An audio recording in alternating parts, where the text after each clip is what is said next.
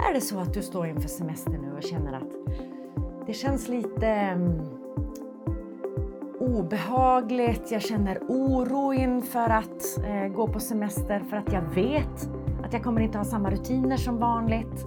Vilket kan göra att det sticker iväg min vikt. Här har jag jobbat under våren och nu är jag rädd att förlora det på bara några veckor. I sådana fall är dagens avsnitt för. Det är jag som är Camilla, en av grundarna till Viktdoktorn och jag sitter här med vår psykolog Rebecka eh, som också är utbildad kostvetare och eh, crossfit-instruktör. Jajamän. Yes. Eh, och eh, det vi ska prata om idag är ju semestern. Ångest, oro, eh, det här med att man känner kanske lite att man tappar fotfästet eh, och att saker och ting kan sticka iväg på ett sätt man inte vill. Mm. Jag tänker att vi hör ju om och om igen det här med eh, att eh, jag vågar inte äta mer för tänk om jag då förlorar all den här viktreduceringen som jag faktiskt har gjort och lyckats med. Eh, kommer jag förstöra för mig själv nu? Jag vill ändå kunna njuta under min semester. Men hur gör jag? Hur ska jag förhålla mig till saker? Kan jag äta en glass? Kan jag inte det? Det är väldigt mycket som snurrar i huvudet. Ja, och jag tänker att självklart kan man äta glass. Mm. Men kanske inte flera per dag. Nej. Alla dagar. Nej. Mm. Det handlar ju oftast om det här med lagom. Ja. Men eh, lagom låter ju så tråkigt. Eh, jag tycker vi, vi eh, fokuserar lite mer på hur kan man tänka och vad kan man göra för att lägga upp det på bästa sätt så att man mm. kan njuta av semestern på det sätt man vill utan att för den skull dra iväg mm. i vikten igen. Mm. Ja, eh, vad skulle du säga då om jag sa att eh, dietpauser kan vara till och med eh, mer effektivt än att ha en konstant kalorirestriktion? Jag säger att det låter väldigt skönt. Ja. Eh, och eh, jag tänker att eh, det skulle du aldrig säga om du inte har forskning på ämnet. ja men precis, de gjorde en eh, studie, eh, Matador-studien, eh, där de, de, de ville undersöka det här med vad händer om man konstant äter eh, lite mindre än ens behov eller om man då varvar det med eh, dietpauser eller att äta i eh, energibalans. Ehm, och ja, men kika då på framförallt personer med obesitas. Så det här var då 51 män med obesitas som var med i den här studien. Mm. Och, och, när du säger så här, äta lite mindre än vad man behöver, pratar vi då som de här eh, blå områdena i världen där man tänker eh, 80, 20, alltså man äter sig 80% mätt eller? Mm. Eh, så det de valde att eh, göra var att eh, beräkna energibalans för människorna och det betyder då hur mycket behöver jag äta med min kropp, med min ålder, med mitt eh, kön. Eh, med mitt kön, det låter konstigt, men jag menar utifrån de här parametrarna eh, Ehm, och ens ehm, fysiska aktivitetsnivå eh, baserat på hur det är för den här individen. Eh, hur mycket energi eller mat ehm, äter jag då om jag inte vill gå upp eller ner i vikt? Det här är att vara i energibalans.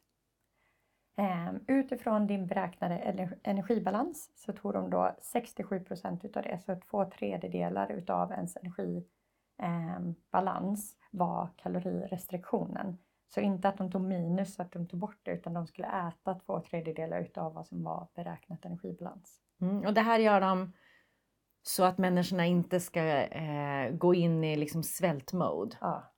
Precis. Så att man har säkerställt den gränsen. För vi pratar ju väldigt mycket på Viktdoktorn om att svälta är kontraproduktivt och att din kropp kommer straffa dig i upp till ett år efteråt mm. om du svälter. Vilket bantning ofta är. Precis, de åt ändå över vad kroppens liksom basalbehov är. Eh, det var mer att de såg till att äta i tillräckligt stor restriktion att de trodde eh, att de skulle få relativt snabba resultat eftersom det ändå bara är i 16 veckor de följer deltagarna. Ehm, men att de eh, inte gjorde en så pass stor restriktion att kroppen bara skulle försvara sig direkt och försätta människor i svält då. Mm. Ja men det är bra, det känns som bra förutsättningar. Ja. ja. Det de också gjorde var att alla som skulle vara med i studien, eller det var alla utom fyra tror jag, jag tror det var fyra som bara nej, jag vill inte. Eh, de fick äta en ehm, baseline-kost Så innan, fyra veckor eh, innan studien började så fick eh, alla äta ja, men, en baseline-kost då, så att de kom in i studien med liknande förutsättningar. Och vad är baseline-kost? Det är att alla äter liknande så att det inte är så att någon håller på och dietar eller äter extremt lågt utav antingen fett eller kolhydrater eller någonting. Alltså att värdena inte skulle vara eh, så olika varandra. Ja. För det blir svårt att göra studier på det då. Ja, ja. Då, då vet man ju inte om resultaten är för att man ändrade från hur de hade det tidigare eh, och det är därför man ser en skillnad eller om det är på grund av den interventionen, alltså den insatsen man valde att göra. Mm, Okej, okay. så att egentligen så pågår försöket då i 20 veckor? Ja, och för vissa eh, då som fick varvade veckor, då var det eh, 34 veckor totalt. Ja. Mm. Yes, okej. Okay. Och då eh, delas den här gruppen upp som vanligt i all forskning så att mm. man har en grupp som man tittar på som gör på ena sättet och en grupp på det andra. Yes. Eh, och vad börjar vi se här då? Så kontrollgruppen eller eh, eh, den konstanta kalorirestriktionsgruppen och med kalorirestriktion var det då två tredjedelar utav eh, energibehovet. Eh, de åt enligt den här dieten i 16 veckor på raken. Eh, den andra gruppen, de fick varva. Så de åt två veckor med kalorirestriktion, två veckor med eh, energibalans och så varvar de här. Eh, så det blev två, två, två, två och så vidare tills de hade uppnått åtta veckor samman, eller 16 veckor blev det, eh, åtta perioder. Mm. 16 eh, veckor eh, av kalorirestriktion totalt. Ja, så att de Eh, båda grupperna gick 16 veckor på kalorirestriktion. Det var bara att den ena gruppen gjorde det på dubbelt så lång tid. Ja, för att de då varvar med att vara, eh, äta i energibalans mm. två veckor. Jag kan tänka mig resultatmässigt att vad vi kommer att se är att båda grupperna går ner i vikt eftersom ja. man helt enkelt inte äter lika mycket som vanligt. Ja. Eller så mycket som man behöver. Korrekt. Mm. Okej. Okay. Eh, vi har haft en studie tidigare som vi har tittat på när man har gjort liknande grejer. Eh, resultatet då blev att, nu ska vi se om jag kommer ihåg rätt, men den grupp som varvar bör ha gått ner, eller kan ha gått ner lite mer och har blivit viktstabilare över tid. Mm. Så jag, jag, har ingen aning om uppföljningen. Nej. För de är presenterade bara resultaten efter de här eh, veckorna. Men det som är intressant med den här studien är också att de har, eh, de har också mätt eh, men, så BMR är ju ens basal, basal metabolic rate, så det är hur mycket kroppen behöver i energi eller gör av med energi om man bara finns. Och så finns det någonting som heter resting metabolic rate och det är typ nej, i vilotillstånd, så inte så här, samma basala utan du får, du får sitta men du behöver vara vilande. Och du får inte aktivera dig Nej, på något sätt? precis. Mm. Utan så här, en, mm. en väldigt, väldigt stillasittande livsstil. Typ. Mm. Eh, så, så det har de kollat på. Eh, och det är inte många studier som faktiskt gör det. Eh, att, eh, för, för, det är svårt. och det är dyrt. Eh, så då väljer många att inte kolla på det. Men det kollade de på. Så det de mätte då var eh, vikt. Det var ehm, fettmassa eh, procentuellt eh, ehm, i, i fett då, kroppsfett. Um, och um, det här resting metabolic rate uh, innan och efter uh, studieinterventionen. Och precis som du sa, de såg att båda grupperna gick ner i vikt. Men den gruppen som hade den här intervallbaserade interventionen, de gick ner mer. Mm. Både i vikt och i uh, fettprocent. Mm. Alltså det här är så spännande därför att det betyder ju att du som tittar eller lyssnar inte behöver känna någon skuld eller skam över att inte hela tiden tänka på allt du äter. Ja. Utan faktiskt att leva också. Mm. Och det är väldigt viktigt för oss på Viktdoktorn.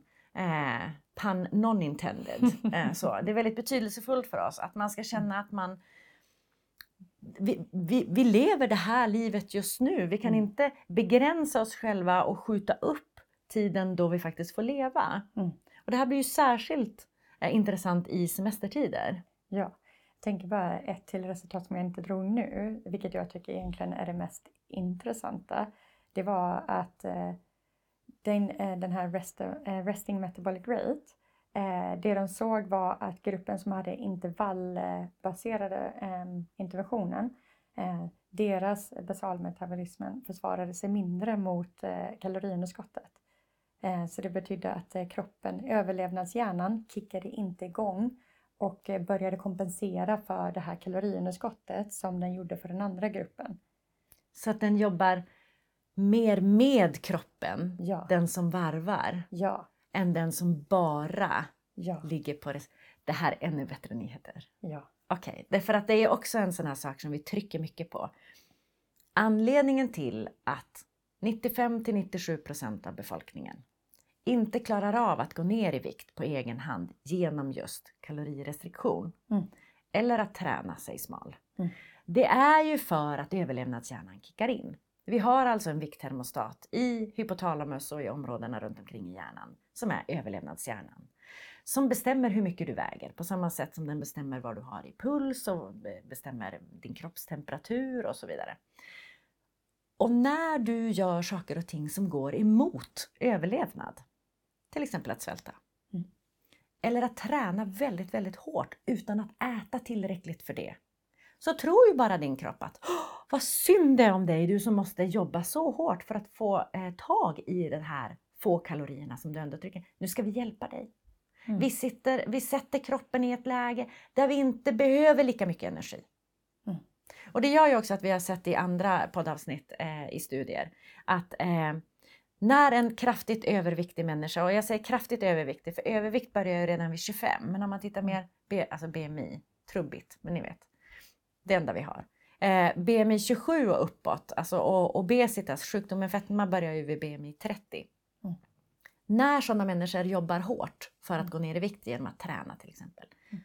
så eh, jobbar deras kropp hårdare för att behålla all vikt än en normalviktig person som utför samma tunga arbete. Mm. Det är ju för att överleva då. Ja. Det är ju funktionellt, det är så här vi är eh, skapta. Eh, och det som var så himla intressant här då var att eh, man kunde hjälpa hjärnan förstå att det inte var svältläge i världen. Det finns mat. Eh, någonting också som jag tänker eh, kan vara mm, frustrerande men eh, också tröstande var ju då att de deltagarna, eh, deltagarna som hade intervallbaserat, de fick ju jobba med det här under 30 veckors tid jämfört med de andra som jobbade i 16 veckor.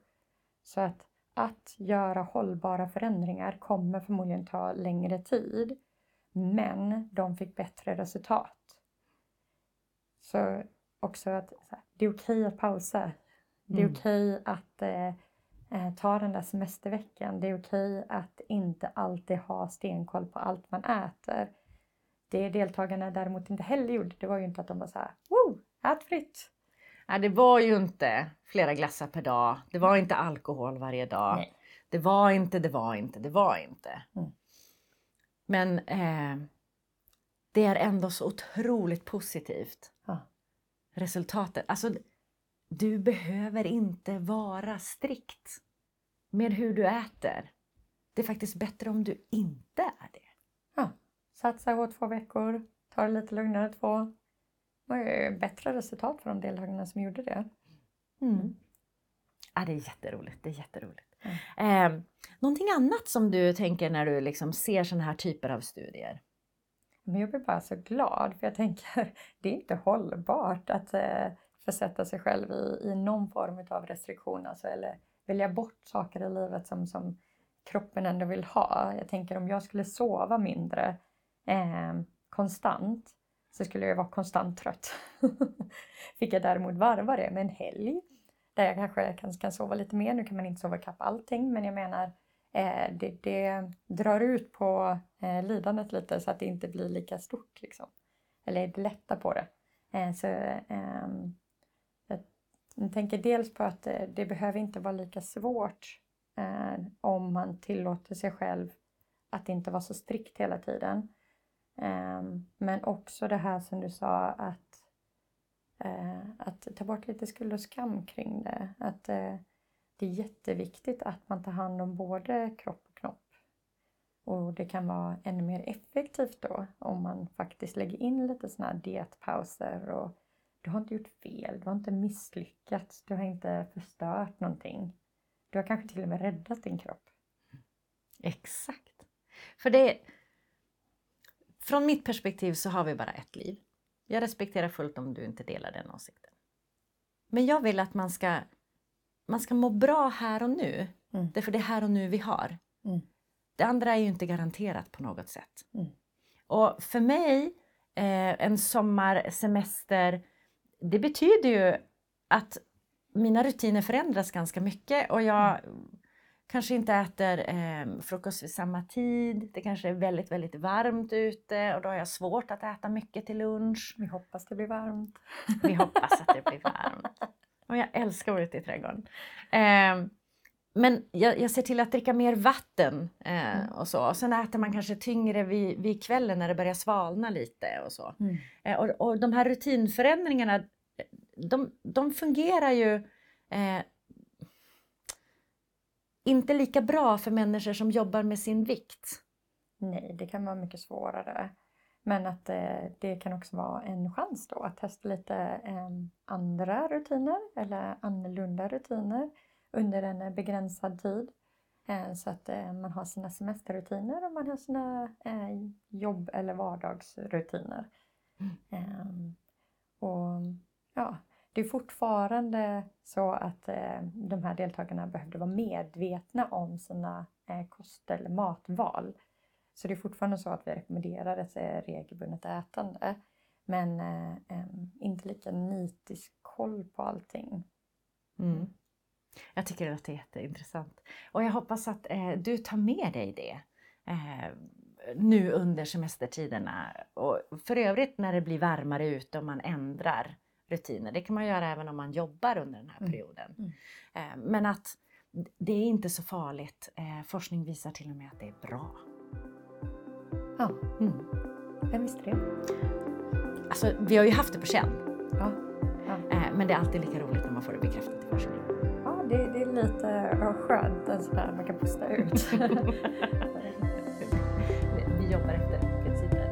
Eh, stort tack till dig som har tittat eller lyssnat idag. Vi dyker upp igen, samma tid, samma plats om du vill nästa vecka. Ta hand om dig. Hej då!